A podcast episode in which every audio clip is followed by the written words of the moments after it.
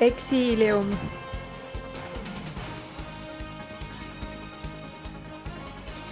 Exilium.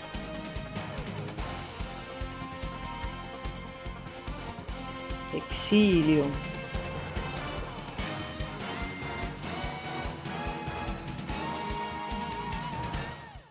Exilium.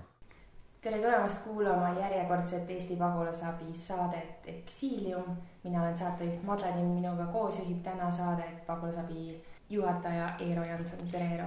tere päevast.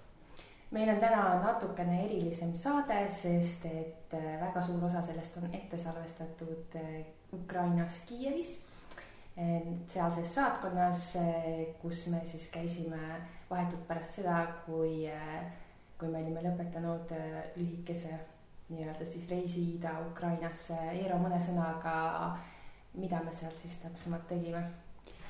me oleme selles mõttes Ida-Ukrainast selliseid monitoorimisringe teinud ikkagi iga aasta.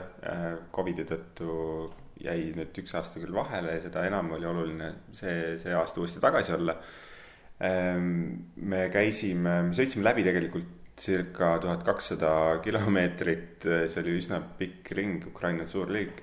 Ja, ja meie ka nii-öelda programmidest kasusaajad on üsna hajutatud seal Donetski, Luhanski oblastites. aga jah, me külastasime tervet hulka inimesi, kes on meie ettevõtlusprogrammist kasu saanud, kes on meie humanitaarabitegevustest kasu saanud.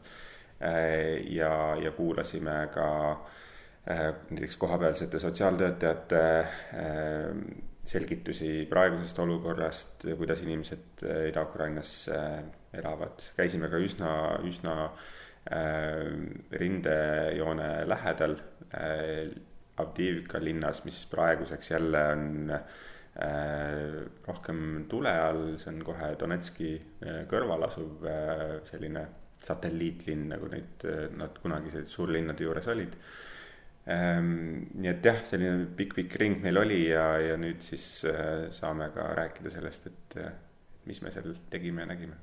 Ma küsiks sult äh, tegelikult kohe vahele, et sa ütlesid, et Avdivka linn on jätkuvalt pingeline, et kas, kas sul endal näiteks hirmu ei olnud sinna minna? no võib-olla ma olen nii karastanud juba, et, et, et igasuguseid olukordi juba näinud ehm, selles mõttes inimesed, kes teavad seda konteksti, et, et üldiselt ikkagi selline noh, mürsud lendavad öösiti pigem, päeval on nende linnade külastamine võrdlemisi ohutu, ööseks jäämine on natukene suurema riskiga tegevus. nii et meie ikkagi, me oleme kõik koolitatud ohutu Äh, noh, sellistes olukordades äh, hakkama saamise osas, nii et, et eks me oskame neid riske hästi hinnata, et selles mõttes jah, hirmu ei ole, et me, me teame, mis on riskid ja me teame, kuidas neid maandada. No kogu see väljanägemine seal linnades, äh, purustatud majad, mineeritud alad, nägi välja ikkagi päris trööstitu, mis toob mind ka küsimuse juurde, et mis oli see ajend, miks äh, Eesti Pagulasabi üldse otsustas äh, Ukrainasse siseneda? meie jaoks sai kõik alguse kahe tuhande neljateistkümnendal aastal, äh, kui see Ida-Ukraina sõda algas. Ja tegelikult nüüd ongi juba seitse aastat möödunud sellest, kui me alustasime koostöös MTÜ Mondo ja MTÜ Ukraina Kultuurikeskusega kampaaniat, see oli esimene oktoober kaks tuhat neliteist.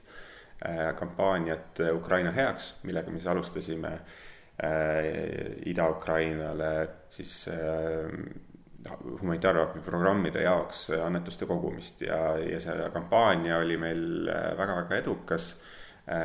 Ja selle pinnalt me siis kahe tuhande neljateistkümnendal aastal ka seal esmakordselt humanitaarabitegevusi alustasime, see oligi Eesti pagulasabi jaoks esimene humanitaarabi sekkumine, et praeguseks oleme me siin juba viies erinevas riigis, aga see Ukraina oli jah, selles mõttes kõige esimene.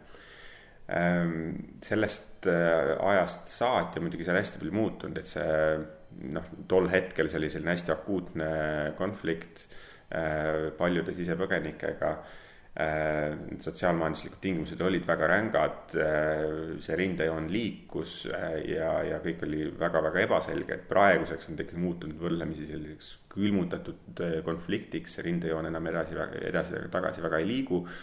ja ka inimeste vajadused on muutunud nii et kui me alguses alustasime seal äh, nüüd meditsiinitarvikute, hügieeni, toidupakkide jagamisega, äh, isegi riideid äh, jagasime, me küll midagi Eestist kaasa ei, ei viinud, kõik, mis me soetasime, soetasime koha pealt ja seda siis alustasimegi kohe Donetski, Luhanski, äh, Zaporižžja oblastites. Äh, meil oli oma kohapealsed kolm töötajat, kes kogu seda asja siis, seda logistikat ja, ja vajaduste hindamist ja, ja järelhindamist tegid ja, ja noh, ka kohapeal käisid ja asju siis laiali jagasid ähm, hiljem meil siis lisandusid ka meditsiiniabiprojektid, kus me siis toetasime rohkem kui kümmet äh, haiglat nendes äh, oblastites äh, neile vajalike meditsiiniseadmete ja tarvikutega.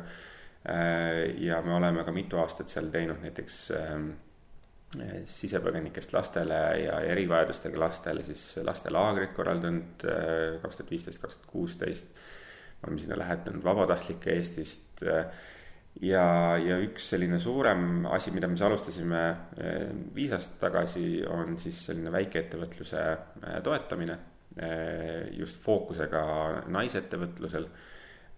ja seal me oleme ikkagi juba ütleme, circa nelisada inimest on meie käe alt läbi käinud, kes on siis saanud nii ettevalmistust, nii-öelda ettevõtluse alast teadmist koolitust äh, kui ka siis äh, toetust selleks, et, et oma väikeettevõtlusega alustada ja seal siis ka niiviisi oma leibkonnale sissetulekut teenida. ja, ja selle kõrval samas ei ole ka meil mitte kunagi peatunud humanitaar, selline hästi akuutse humanitaarabi pakkumine, et me jätkuvalt tänase päevani siis pakume vajaduspõhist toiduabi Äh, aitame talveks valmistuda peredel, kes seda, kes seda vajavad, äh, jagame hügieenitarvikuid eakatele, kes rinde äärde on jäänud, samuti ka äh, koolilastele septembri, augusti ja septembrikuus. nii et see meie, meie sekkumiste skaala on olnud nagu võrdlemisi lai äh, Ukrainas ja, ja seal me oleme tänase päevani ja, ja meil on kohe täitsa mitmeaastased äh, Äh, plaanid äh, juba, juba ette. Äh, nii et meie, meie kohalolek seal on, on kindlasti pikaajaline ja samas vajaduspõhine, et kui seal midagi peaks jällegi muutuma, et siis oleme me ka meie valmis oma, oma lähenemist muutma. ja selle kõige juures on meid siis toetanud Eesti Välisministeerium ja, selle eest me oleme ka väga tänulikud ja palju on tehtud ja, ja ma saan aru, et väga palju on siis veel ees. oskad sa lühidalt öelda Äh, tulemuste ja mõju kohta, et äh, kui palju seda on äh, saanud üldse hinnata ja, ja kui palju need inimesed üldse näiteks seal kogu selle ütleme, ettevõtlusprogrammis osalenud, et kui palju nad veel töötavad selles valdkonnas? ja mõjude hindamine on meie jaoks hästi oluline teema ja meie näiteks esimene selline suurem äh, Äh, ettevõtlusprogramm, mis me läbi viisime, millel oli sada äh, siis kasusaajat või sada inimest, keda, kellele me toetasime äh, siis väikeettevõtlusega alustamisel, siis keskmiselt nende sissetulek, leibkondade sissetulek tõusis sada viis protsenti ehk siis pisut enam kui kahekordistus. et selles mõttes ma julgen öelda, et meil on märkimisväärne mõju nendele inimestele, kes on, on kasu saanud Äh, ja, ja kindlasti ka laiemalt, et ka need äh, kogukonnad, teinekord on need ka sellised väiksed külad, äh, kus siis inimesed näha, näevad, et, et saab neid tegevusi ka nii-öelda paremini ellu viia või käima lükata selliselt, et, et sellel, et leibkondadel on võimalik siis suuremat tulu teenida ja seeläbi siis paremini hakkama saada, nii et meie selline põhimõte on ikkagi sellistel puhkudel alati olnud, et et äh, anname pigem selle õnge kui, kui kala ja inimesed saavad pikaajaliselt äh, hakkama. Ja humanitaarabi tegevusi me muidugi jälgime ka, et, äh, et seal me kogume ka inimestelt tagasisidet, et näiteks kui me oleme andnud nii-öelda raha näiteks talveks valmistumisel, siis, siis pärast kontrollime üle, et et milleks nad seda raha kasutasid, kuidas nad seda hindavad, selle raha suurust ja nii edasi ja nii edasi. Äh, ja, ja seal on see pilt ka üsna selge, et, et ikkagi noh, vajadused on hästi erinevad, kes ostavad oma lastele näiteks talve, talveriideid korralikult, kes ostavad küttepuid, briketti ja nii edasi, et äh, kõik, äh, sellepärast me ka raha anname, et kuna vajadused on hästi erinevad, siis inimesed teavad tegelikult ise kõige paremini, et milleks neil seda toetust vaja on kui Eesti inimene seda kõike siin kuulab ja mõtleb, et tahaks ka kuidagi aidata ja õla alla panna, siis eh, mida ta selle heaks teha saaks? Eh, meie kogume iseenesest püsivalt eh, ka annetusi humanitaarabifondi ja kõik, kes seda soovivad teha, siis meie kodulehe kaudu pagulasabi.ee saab hak-, nii, teha nii ühekordse annetuse kui ka liituda meie siis püsiannetajate Äh, grupiga nimega A-tiim. Äh, ja seeläbi siis ka pikaajaliselt äh, toetada meie erinevaid humanitaarabi sekkumisi.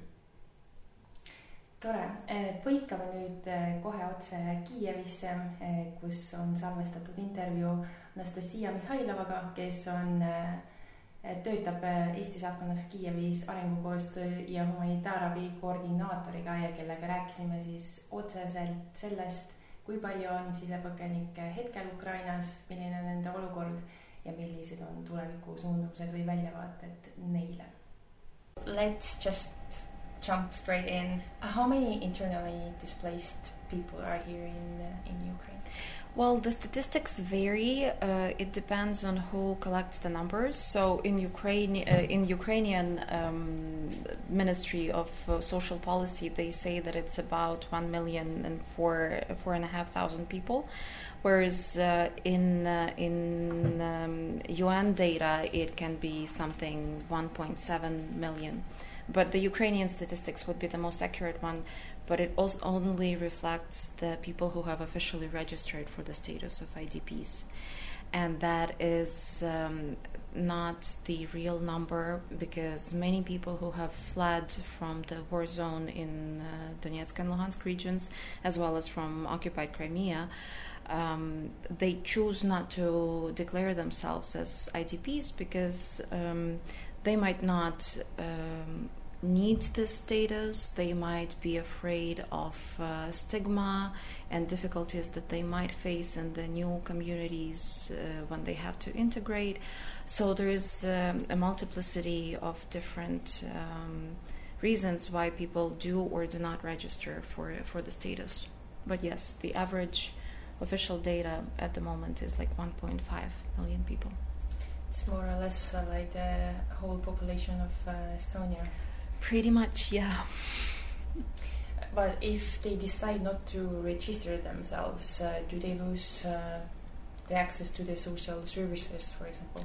Well, they still have access to the social services like any other citizen of Ukraine, but they do lose. Um, uh, like privileges, maybe it can be discounts for um, utility payments or social benefits, which is for some people and for some um, households are a massive um, contribution to the to the family budget, but for others who, for example, have better education, more professional experience, and they have more opportunities to earn their living by themselves, then they just decide not to bother with the bureaucracy and, and just go on with their lives.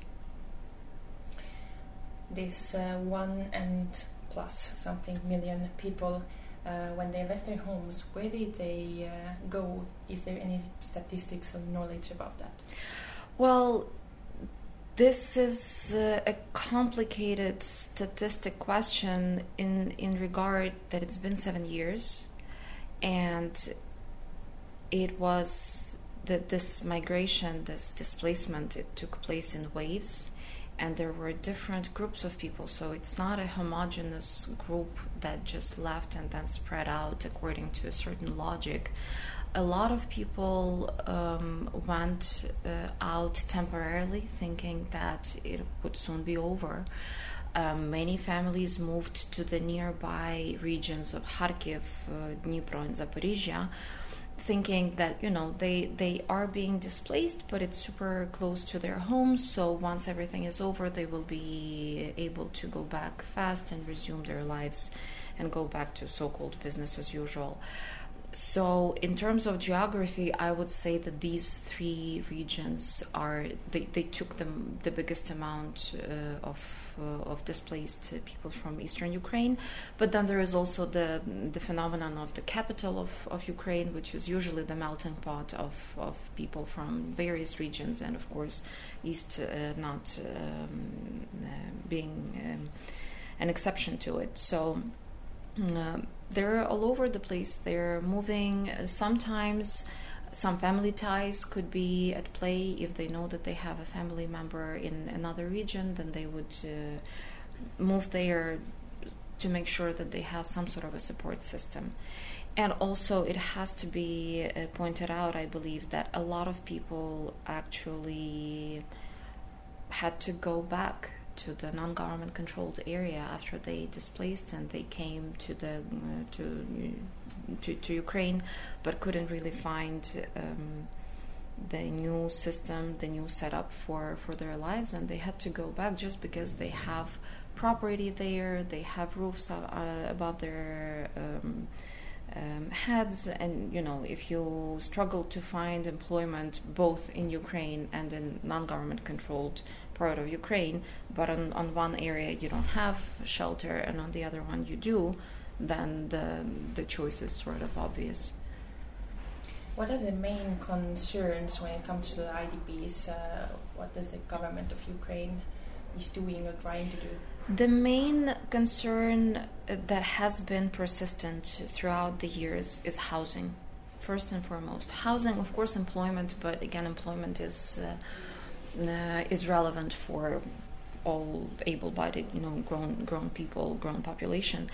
Um, but housing, for sure, was uh, was a sore subject and continues to be um, one um, at the moment.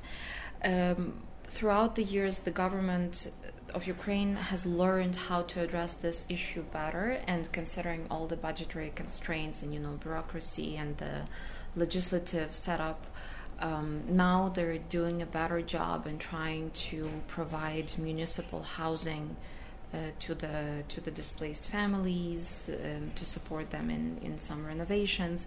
But then again, it is also attached to um, this registration for IDPs, and if after a certain um, if the salary of the um, IDP who has officially registered, if the salary goes above certain level, then these privileges and the state support might go away because then automatically they are perceived as, um, you know, the, the middle class, which is not really the case because the minimal wage does not represent the, the actual needs of, of people. So this is this catch 22 sort of situation. But again, to go back into the initial question, yes, um, housing is is an issue, and the government is trying to address it together with with partners and donors, you name it. But multiple options have been tried throughout the years. In, from the very beginning, there were also these modular homes, um, like trailer houses, that were built super fast, uh, just to make sure that some waves of IDPs could be could be sheltered. But then that system went went down, and at this point, the approach is to explore available facilities and like free apartments, buildings that can be renovated and provided for the ADPs as municipal housing. When it uh, comes to the age uh, and we look at the people where IDPs, uh, what is the difference like uh, between elderly people and young people? Like who stayed there, uh, who left, who went back? Uh, how is the dynamics of that? Well, that's the thing because the war in eastern Ukraine is called uh, internationally the oldest, in terms of age, it's the oldest conflict, predominantly because most of the affected population who resides in non government control area, those who stayed behind, are elderly. it's elderly or families with um, some sort of um, you know constraint, something that holds them back and doesn't let uh, let them uh, migrate and, and, and go to the to the Ukrainian side. And then going back again, if you have to choose between the unknown proclaimed liberty, right, and the known, but something that's safe, something that you know, something that you own. For elderly, it's extremely difficult to leave their houses, their gardens, their you know chickens, poultry, whatever they they grow, cows, goats. Uh, they're like family members. So for many of them, their kids have moved uh, with the with the grandkids, and they're dealing with their lives in whichever way they, they find appropriate, whereas elderly stayed behind and they are the a, a group of great concern. How much are the people affected dependent on uh, external humanitarian aid? Well, the most dependent on it and the most affected uh, are the people who reside in non-government controlled area and the, the gray zone, the, the line of contact, which is five kilometers to, to both sides. Um, the area has been vulnerable even before economically. Even if we're talking about Luhansk and Donetsk, there are serious differences between the regions, although they're often being put into one basket just for, you know, ease of generalizations. Uh, they are different. Donetsk was better off before war. Luhansk, not so much. The infrastructure after Soviet Union had not been maintained, so not that many enterprises were functioning to begin with. Um, it was rather surprisingly, um, uh, it was um, a farming region, and most uh, distribution marker, uh, markets were in you know uh, in Donetsk and in Luhansk, and right now all the farming, remaining farming, is in government-controlled area, and the distribution markets, the target audience is the in the non-government controlled area. So this. Um, th- this is a complicated situation for uh, for people but I think there was a bigger question and I didn't cover it all. Yeah, how much is uh, is uh, Ukraine helping them, and how much are the other organizations Mm. from other countries? Um, so um, Ukraine's help to the people in non-government controlled areas specifically um, constitutes uh, two main parts. First, as a state, um, the government has an obligation to pay uh, social payments to the to the people who have earned them. So, for example, if we're talking about elderly and pensioners, it is the responsibility of the state of Ukraine to pay them the pensions, to pay out these these payments according to the legislation of Ukraine, because these people are still citizens of Ukraine. So, um, and then there is the, the vulnerable groups that have to that that receive social benefits, um, like families with kids or family members with disabilities, for example, they qualify for welfare, so that welfare has to be paid. But also, people uh, who reside in that area, they travel to Ukraine also to register as, as IDPs, and that they get this um, small amount that has been, well, small, again, relatively small. Um, uh, that has been established uh, by Ukrainian legislation as the payment that will be paid to the displaced uh, people, and uh, they live off the, that money because again, it's not like there is job creation going on. Um, but these payments are still not enough for for daily functioning of people, families, households. So this is when international organizations and, and donors come in especially their role was extremely important in the in the very beginning. Well it, at any stage again it's been seven years. So if you take any year there has been a development and there was a reasoning why the presence of international organizations and, and external support groups um, was vital so in the beginning it was all very sudden and very new and nobody knew how to how to address the issue how to deal with the situation how to provide the support to people who who, who needed it. And the government of Ukraine and at some point I mean everybody was honest and at least we can we can say that that was a good thing. When the government didn't know how to support the citizens but there was these um, international organizations who could come in and, and give a hand, and they did.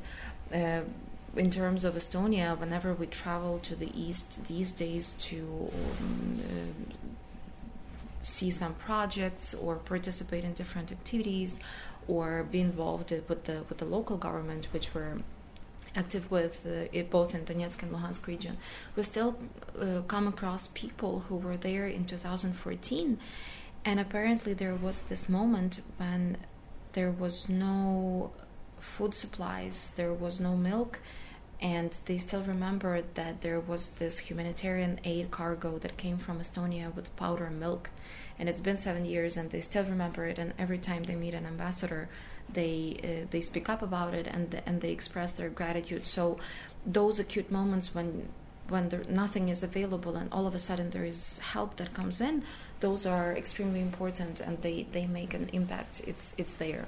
So right now. Um, presence of this humanitarian aid is still vital also because of the pandemic and the restrictions that covid has put in place on, on all of us globally, but also specifically for this context, um, it's protection by presence that's necessary. And when, when there is the border closed, the, the border itself is a wall, right? And it's a limitation for people who have not don't don't have this liberty to travel and to to get things that they need. But then when the when the pandemic started, the border the the checkpoints that were few in the beginning they would be closed because of this fear of infection traveling.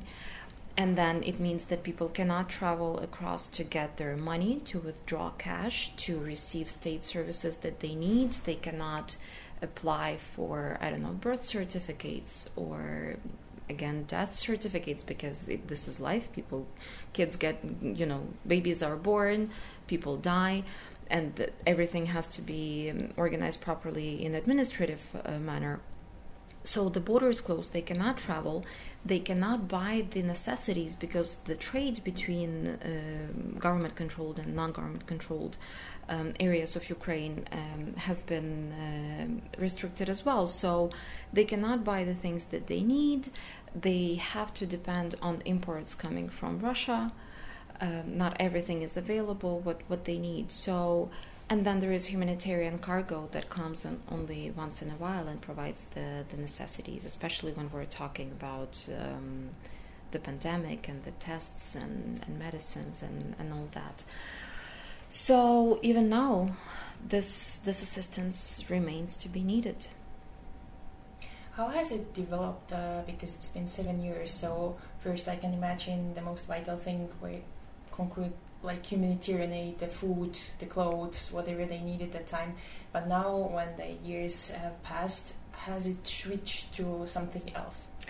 It definitely switched, um, and there is more request for development, development, uh, growth, some opportunities. So this is one of the principles that Estonian Development Cooperation usually work, works with um, this mentality of providing a fishing rod rather than a fish for people, right? Teaching them how to um, get by and get better and be have uh, sustainable um, solutions, durable solutions. So throughout the years, uh, of course, in the beginning, it was all very new, um, difficult, and basic things were needed be it food, non food items, blankets, coal during winter, um, you name it. I mean, but all the all the basic necessities were there. And then with every year, the situation, yes, there is political dialogue, and we all know that only through political means this this situation can be resolved and, and the hostilities can stop. So the people observe this, they realize that not much really happens for them specifically. The jobs are still not being created, uh, life is not easier, um, they're not moving, there is very few prospects for them. So now there is this high demand both in NGC and, and GCA and the gray zone and the nearby areas uh, for uh, support and assistance and guidance in how to um, how to build their lives and be independent. And this is when, uh, again, Estonian development cooperation and humanitarian assistance is of essence because um, while other budgets can be bigger, Estonia has specific knowledge, it means well, and it's willing to come on the ground and work with people and provide them with tools that would help them um, to regain their, their position and continue on independently. To do this hand holding, as, as we call it, from, from a basic idea to develop it into something functional, viable, and with the with the prospect giving the people both hope and certainty that they can do it uh, by themselves.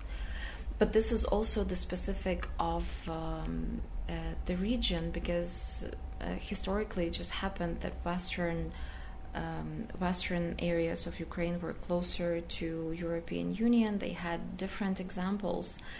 Um, in the very beginning of um, development cooperation from coming from Estonia to Ukraine, many projects were taking place in Western Ukraine just because it was easier mm, in terms of mentality for people to come together, agree on terms, and, and make uh, things happen.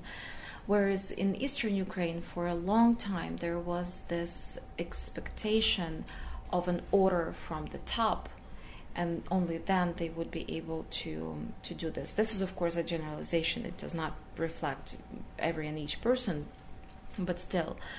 Um, whereas now it changes because people have um, have this different experience. They this is the positive side, if we may call it this way, of of the war. Um, they have been exposed to this abundance of international presence, of support, of friends who are willing and, and interested. Um, so now they they have this process of empowerment and feeling how and, and knowing that they can do it themselves um, and learning the best practices from those who are willing to provide them. From the uh, future perspective, how do you see it? Is it getting like better fast enough, or there's like some gaps which, uh, for example, Estonia could still uh, fill in? Um, um, in terms of fast, well, trying to speed things doesn't really seem to be working. Uh, I think many of us have tried. Um, of course, there is always uh, an aspiration, and there is this uh, optimistic picture how we would like things to be, and then what things are actually on the ground. I think this is part of the of the deal when we had to when we have to accept the the realities, and also that we're just you know people doing the best they that that we can um, in in the circumstances that we're in. Um, in terms of doing things better, I'm not sure because this system, the ongoing one, uh, seems to be pretty, pretty efficient. In terms of humanitarian budget that the Ministry of Foreign Affairs of Estonia contributes to to Ukraine, part of it goes to international organizations who have this, you know, multi-annual experience in different um, in different landscapes, in different crises.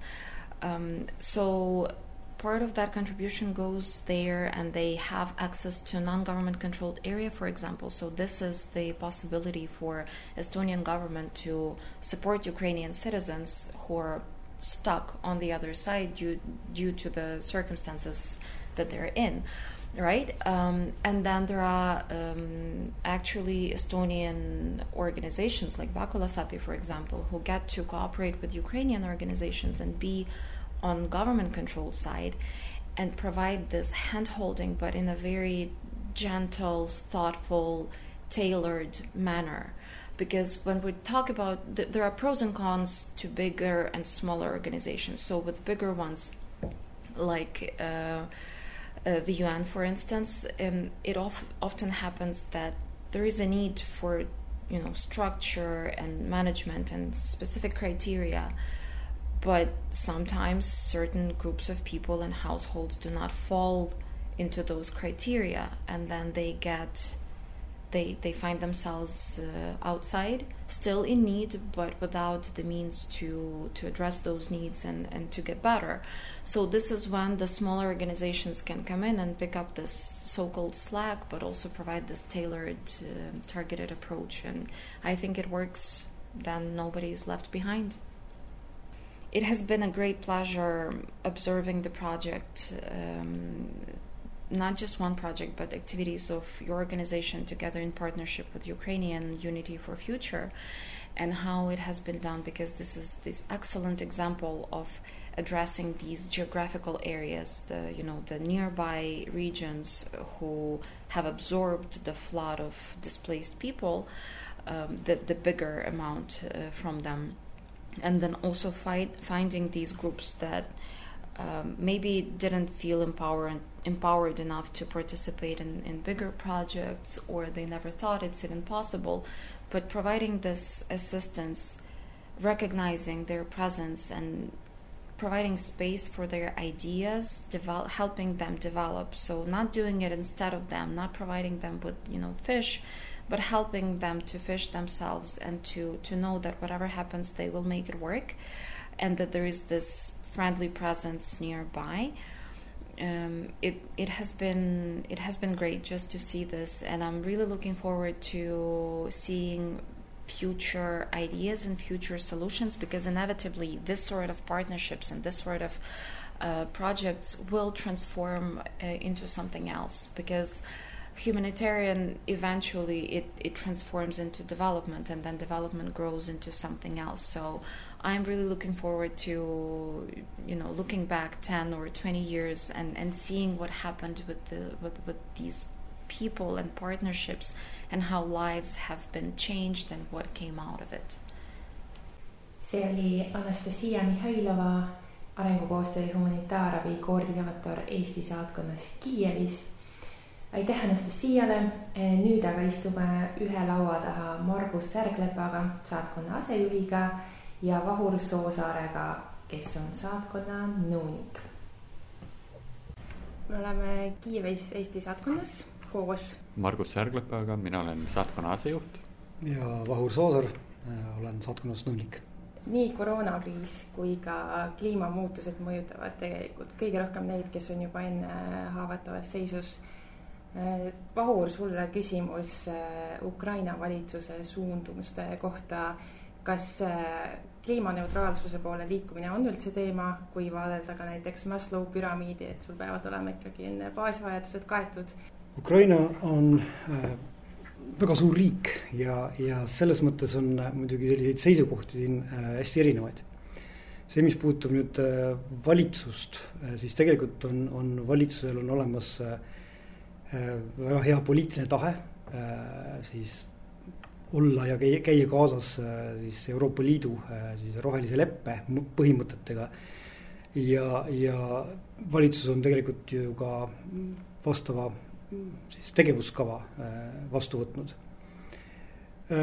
samas, kui, kui reaalselt nüüd vaadata, siis loomulikult, kuna Ukrainas on ju rasketööstust väga palju ja see on, see on üks olulisi tööstusharusid kogu riigis, siis kuidas nüüd see tegevuskava ka tegelikult äh, praktikas äh, ellu viiakse või, või kui, kui tõhusalt või kui kiiresti seda saab teha, see on, see võib-olla on selline äh, üsna suur väljakutse kogu, kogu, kogu Ukrainale.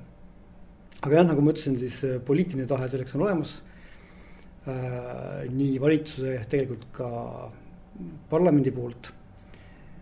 aga nii nagu ta Ukrainas senised, senised arengud on olnud, siis, siis äh, poliitiline tahe äh, võib olla äh, väga hea ja tugev, siis ütleme siis elu mm, vastavalt siis suuremates linnades, maakohtades, samuti erinevates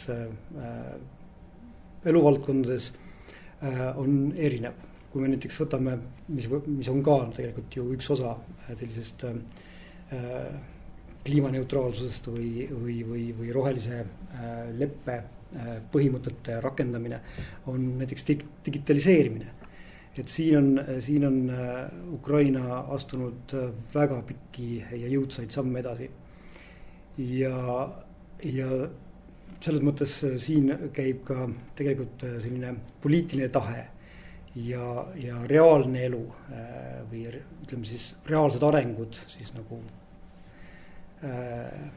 kogu riigis üsna ühte jalga. ma võib-olla lisaksin siia ka ühe punkti, et äh, Maslow püramiidi mainides äh, on, äh, on tõepoolest seal eelkõige selles püramiidi teoorias pööratakse tähelepanu üksikisiku vajadustele, baasvajadustele. aga kui, kui võib-olla natuke riigiteooriasse minna, siis on, on ka riigi baasvajadused olemas. võib, seda võib natuke üle, üle kanda selle, sellesse sellesse konteksti. ja ma usun, et Ukrainas on väga hästi aru saadud, et riigi püsimajäämise ja edasikestmise seisukohast on, on rohepöörde eesmärkide täitmine ka möödapääsmatult vajalik. ja, ja siin eh, on, on loomulikult sõjas oleva riigi võimalused majanduslikus mõttes äh, teataval mõttel, teataval määral piiratud, kuid, ähm, kuid äh, majanduslikult paremas olukorras olevad riigid on ju teinud ka erinevaid, äh, andnud välja, käinud välja erinevaid lubadusi, kuidas toetada neid riike, kes, ähm, kes soovivad, aga võib-olla ei ole majanduslikult võim-, võimelised neid muudatusi ellu viima siin. Te olete mõlemad äh, siin juba mõnda aega töötanud, kas ja kui palju te tajute, et see riik on sõjas? see on hästi äh, hea küsimus äh, see, selle tajumisega on tõepoolest äh, erinevatel hetkedel äh, väga erinevad kogemused, isegi enda jaoks üllatavalt. kui äh,, kui viibida Ukraina erinevates suurlinnades või ka maakohtades ei pruugi see esmapilgul üldse kuidagi teadvustuda, et, et riik on sõjas. iga päev rindejoonel või praegusel ajal siiski võib-olla üle päeva mõni inimene saab surma. eelkõige siis Ukraina kaitseväelased. samas on Eestiga võrreldes ka linnapildis näha rohkem ütleme niisuguseid avalikke sõnumeid, mis, mis tuletavad meelde äh, tänu Ukraina kaitsjatele e,. ma olen mitmel korral käinud ka äh, Ukraina idaosas äh, kontrolljoonel. ja seal mind on võib-olla kõige rohkem rabanud see, et äh, praktiliselt viimaste meetriteni ei ole miskit justkui erinevat äh, tavapärasest ja see, see sõja reaalsus jõuab sinuni kohale siis, kui sa kuuled esimesi mürsulaske või sa näed ähm, tanki tõkestatud äh, silda või äh,, või muid või näed äh, silte, kus on kus hoiatatakse miiniohu eest. ja, ja reaalsus on, et äh,, et miljonid inimesed tegelikult elavad selle, selle kontrolljoone kulgemisalas, seda on üle neljasaja kilomeetri. ja, ja see on nende igapäevane elu. jah, selles mõttes äh, Kiievi tänavatel jalutades, siis, siis tõepoolest siin nagu iga teine suurlinn äh, tuksub oma igapäevaelu, et, et, et selles mõttes äh, jah, nagu Margus nimetas, et kui, kui siin tegelikult nagu natukene vähem tähelepanu pöörata kasvõi sellistele mm, ütleme siis äh, kasvõi noh, nad ei ole reklaamid, nad on pigem nagu sellised tänavapildis äh, üleskutsed või, või sellised. Et, et kui neile jah, nagu, nagu neid mitte märgata, siis jah, tegelikult äh, Kiievis olles ei, ei, ei adugi, et, et, et riik sõjas on kui lugeda meediat, vaadata televisiooni, ajalehed, siis kui palju räägitakse üldse Ukraina ja Venemaa vahelistest suhetest ja kui palju on pildis näiteks sisepõgenikud? Ukraina-Venemaa suhted on, ähm, on, on väga, väga selgelt äh, ja väga teravalt alati fookuses. Venemaa kohta kasutatakse käibeväljendit agressorriik. see on ka seadusandluses selliselt eh, kirjas siin Ukrainas. kahe tuhande neljateistkümnendal aastal alanud eh, vaenutegevus eh, on, toimib teataval määral niisuguse katalüsaatorina, on, ta on Ukraina identiteeti palju selgemalt toonud võib-olla nagu niisuguse fookusesse, et kui kui sinnamaani oli, oli neid eh, Ukraina kuuluvuse osas oli võib-olla kaheti mõtlejaid, oli neid, kes, eh, kes püüdlesid juba toona väga selgelt eh, selle poole, et, et Ukraina liiguks jõulisemalt lääne integratsiooni suunas, nii Euroopa Liidu kui NATO suunas, siis oli pea, peaaegu et võrdselt neid, kes pigem kahtlesid selle vajalikkuses ja, ja leidsid, et, et ajaloolised sidemed siiski seovad rohkem riiki sellise idapoolse ja, ja Vene, Vene mõjudega. et ähm, see hetk, kui, ähm, kui Venemaa ründas Ukrainat ja selle terviklikkust, äh, see, see mõjus psühholoogiliselt äh, selliselt, et, et inimesed valdava, valdav osa ukrainlastest leidsid, et et see, mis, mis tagab Ukraina iseseisvuse, on, on suurem lääne integratsioon. ja see, see on päris huvitav. Ukraina identiteedist rääkides võib-olla kui võrrelda ähm, Eestiga, siis äh, minu jaoks oli üllatav see, et kui Eestis me pigem määratleme eestlastena neid, kes räägivad eesti keelt siis Ukrainas äh, keel ei ole nii määrava tähtsusega. on, äh, on ukrainakeelsed ukrainlased, on, on need ukrainlased, kes emakeelena räägivad vene keelt. siin tuleb ka mainida loomulikult, et, äh, et Nõukogude Liidu koosseisus Ukraina keele positsioon nõrgenes pidevalt ja neid venestamiskampaaniaid viidi siin läbi korduvalt et kui me Eestist mäletame seda ainult seitsmekümne üheksandast aastast, siis siin toimusid need kolmekümnendate aastate keskpaigas, kuuekümnendatel ja siis uuesti seitsmekümne üheksandal aastal. ja sellega seoses, kui, kui nüüd viimase seitsme aasta jooksul on, on riik rohkem tähelepanu pööranud ukraina keele kaitsmisele ja selle, selle kasutatavusele avalikus ruumis siis, siis sellel on selline positiivne mõju, et üha enam ja enam kasutatakse ka ukraina keelt ja ollakse uhked ukraina keele üle. ka nendes valdkondades avalikus elus, kus, kus võib-olla see ei olnud eelnevalt nii valdav. sisepõgenike küsimus on, on samas palju keerulisem. et ähm, sisepõgenike puhul on ähm, oleneb sagedasti nende mm, igapäevaelu eh, sellest, mis hetkel nad sisepõgel-, põgelusse läksid. Eh, kui mm, konflikti alguskuudel inimesed lugedes päevapoliitika märke ja aru saades, kuhu suunas elu liigub.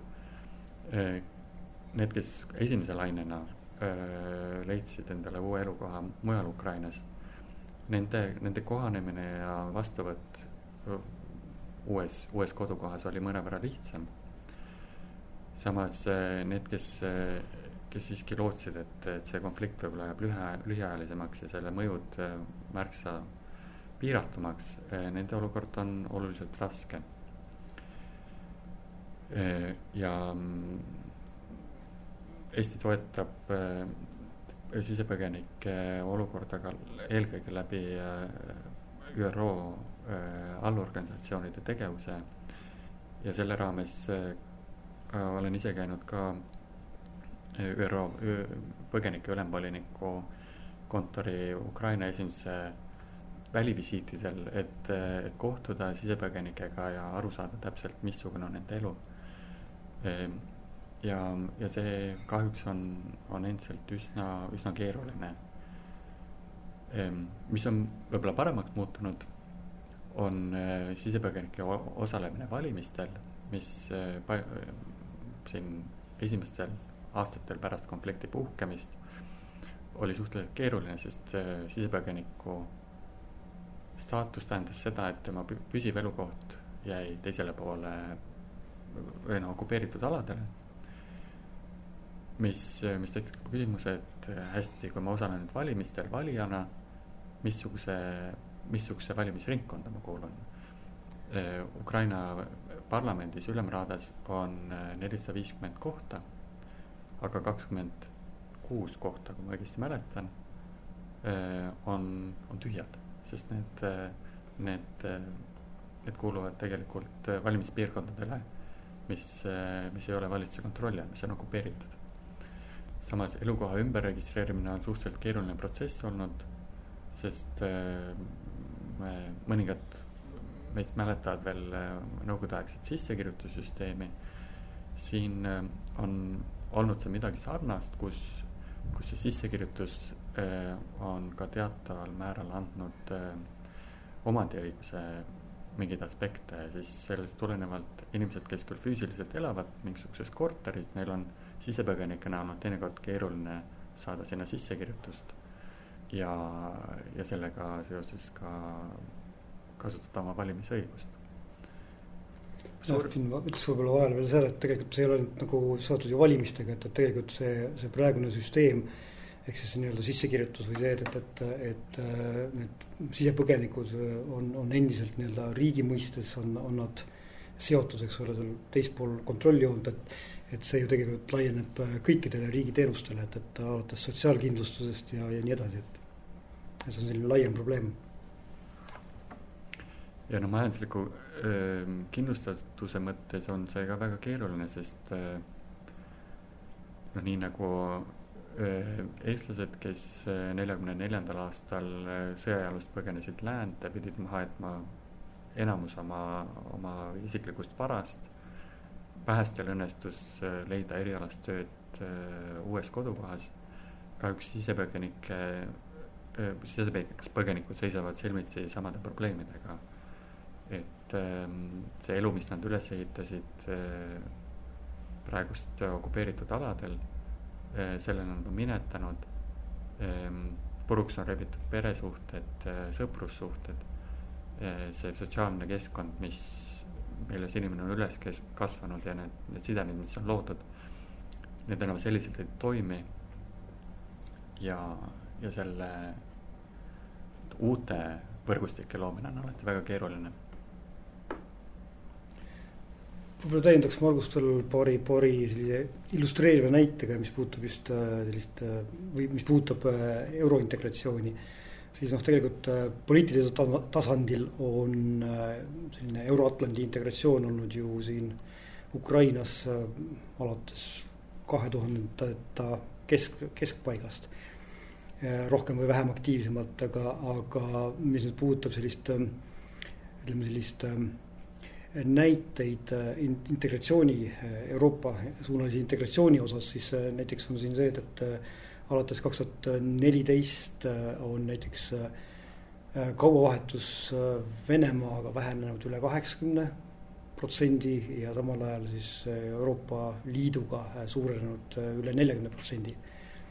ja, ja tegelikult noh, see on selline võib-olla süsteemne nagu selline muutus Euroopa integratsiooni suunas. Aga mis puudutab, ütleme selline isiku, üksikisiku tasemel sellist võib-olla sellist muutust meelsustes või, või, või, või, või mõtte, mõtetes on, on, on näiteks see, et, et kui kaks tuhat üheksateist, kahe tuhande üheksateistkümnendal aastal toetas NATO-ga liitumist nelikümmend protsenti elanikest, siis sel suvel on see tõusnud neljakümne kaheksa protsendini. Et noh, need väikesed sellised nüansid, aga, aga, aga need, need näitavad ikkagi sellist suundumust ja, ja, ja mitte ainult poliitilisel tasandil, vaid ka, vaid ka kogu, kogu ühiskonna lõikes. millised võiksid olla need kõige suuremad õppekohad Ukraina jaoks siis Eestilt, aga vastupidi samamoodi? on muidugi keeruline nüüd äh, ukrainlast, ukrainlaste eest otsustada, mis, mis nende jaoks on kõige, kõige väärtuslikumad äh, õppekohad. Kuid ähm, mis võib-olla meil, mis on üleüldiselt meie arengukoostöö filosoofia, on ju see, et kui äh, üheksakümnendate alguses Eestis oli palju eksperte, kes kes väga heasoovlikult tulid eh, ja selgitasid meile, kuidas me peame ikkagist oma elu elama, siis ehm, ega me ju väga hea meelega seda ei kuulanud. Ehm, me, me pigem tegime nii, nagu me arvasime, et on kõige parem. ja, ja tegelikult meil on läinud üsna hästi, meil on paljud, paljud muudatused viinud Eesti elu hoopis uuele ja paremale tasemele aga võib-olla varustatud selle kogemusena, selle kogemusega me eh, nii Ukrainas kui ka teistes eh, arengukoostöö sihtriikides pigem läheneme selliselt, et me ütleme, sellised olid meie probleemid, me lahendasime neid selliselt. See asi töötas, siin võib-olla see lahendus ei olnud kõige parem, aga, aga sellest teiste vigadest on alati parem õppida kui oma omadest. Ja me püüame üteldagi, et, et ärge, ärge kopeerige meid, otsige enda lahendusi ja küsige meilt küsimusi, mis, millele me suudaksime võib-olla koos leida mingeid lahendusi või pakkuda, pakkuda näiteid sellest, kuidas, kuidas meil on, on tehtud.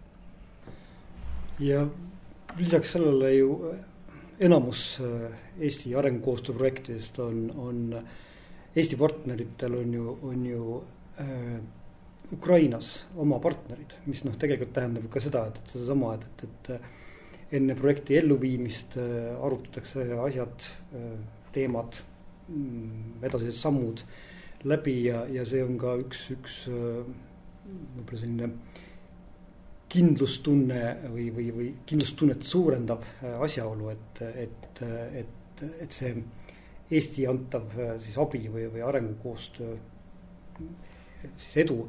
et see, see saab nagu, nagu õigele aadressile ja, ja, ja vajalikku, vajalikku kohta, et. ja eestlased, mida saavad eestlased äh, siit Ukrainast kaasa võtta? mis, mis kindlasti mul ähm, väga äh, sügavalt muljet avaldanud, on see, kui ähm,, kui, kui avatud ühiskond on, kui ähm, ja see ei ole ainult võib-olla võrreldes Eestiga, vaid äh, võrreldes ka mõne naaberriigiga, kui on, äh, et mis on, on hästi tore ja meeldiv, on, on ukrainlaste niisugune uudishimu ja, ja avatus teha uusi asju. on, on palju tugevam ühiskondlik kogukonnatunne et võib-olla me, eestlased, oleme harjunud rohkem iseenda seest, iseenda eest seisma ja, ja ei ole, ei ole võib-olla, noh, võib-olla ma teen ka kindlasti kellelegi liiga siin ennast selliselt, ennast eestlastena selliselt kritiseerides, aga, aga seda eh, võib-olla tasuks, tasuks meil ka olla usaldavamad eh, teiste eestlaste suhtes, olla tunda, tunda rohkem uhkust selle üle? mina olen olnud Kiievis, nagu ma ütlesin ka, alates mai algusest, mis tähendab, et see on, see on nagu väga lühike aeg, et, et teha nüüd põhjapanevaid järeldusi. aga mis ma tooksin välja, võib-olla kaks nüanssi, kus me vast mitte just õppida ukrainlaste käest, aga, aga teha kindlasti koostööd tihedat on, on just sellise e-riigi ja, ja, ja digitaliseerimise vallas. ja need kaks momenti on, on, on see, et, et, et Ukraina on, on oma e-riigiga selles mõttes äh, isegi Eestist nagu pisut edasi läinud sellega, et näiteks äh, Ukrainas on äh, äh, pass on samuti, saad esitada passi andmed siis oma nutitelefonis ja teine on, on siis, mis minu jaoks oli väga üllatav ja, ja tegelikult aga, aga väga hästi toimib. kuigi esmalt veel ei ole harjunud ja selle võrra natukene häiriv. on näiteks see, et, restorani minnes sa ei saa mitte menüüd, vaid äh, sa oma nutitelefoniga loed laua pealt QR koodiga menüü ja siis sealt tellid. nii et need kaks sellist asja, millest nagu ma ütlesin, et me võiks, võiks nagu kindlasti koostööd edasi teha tihedalt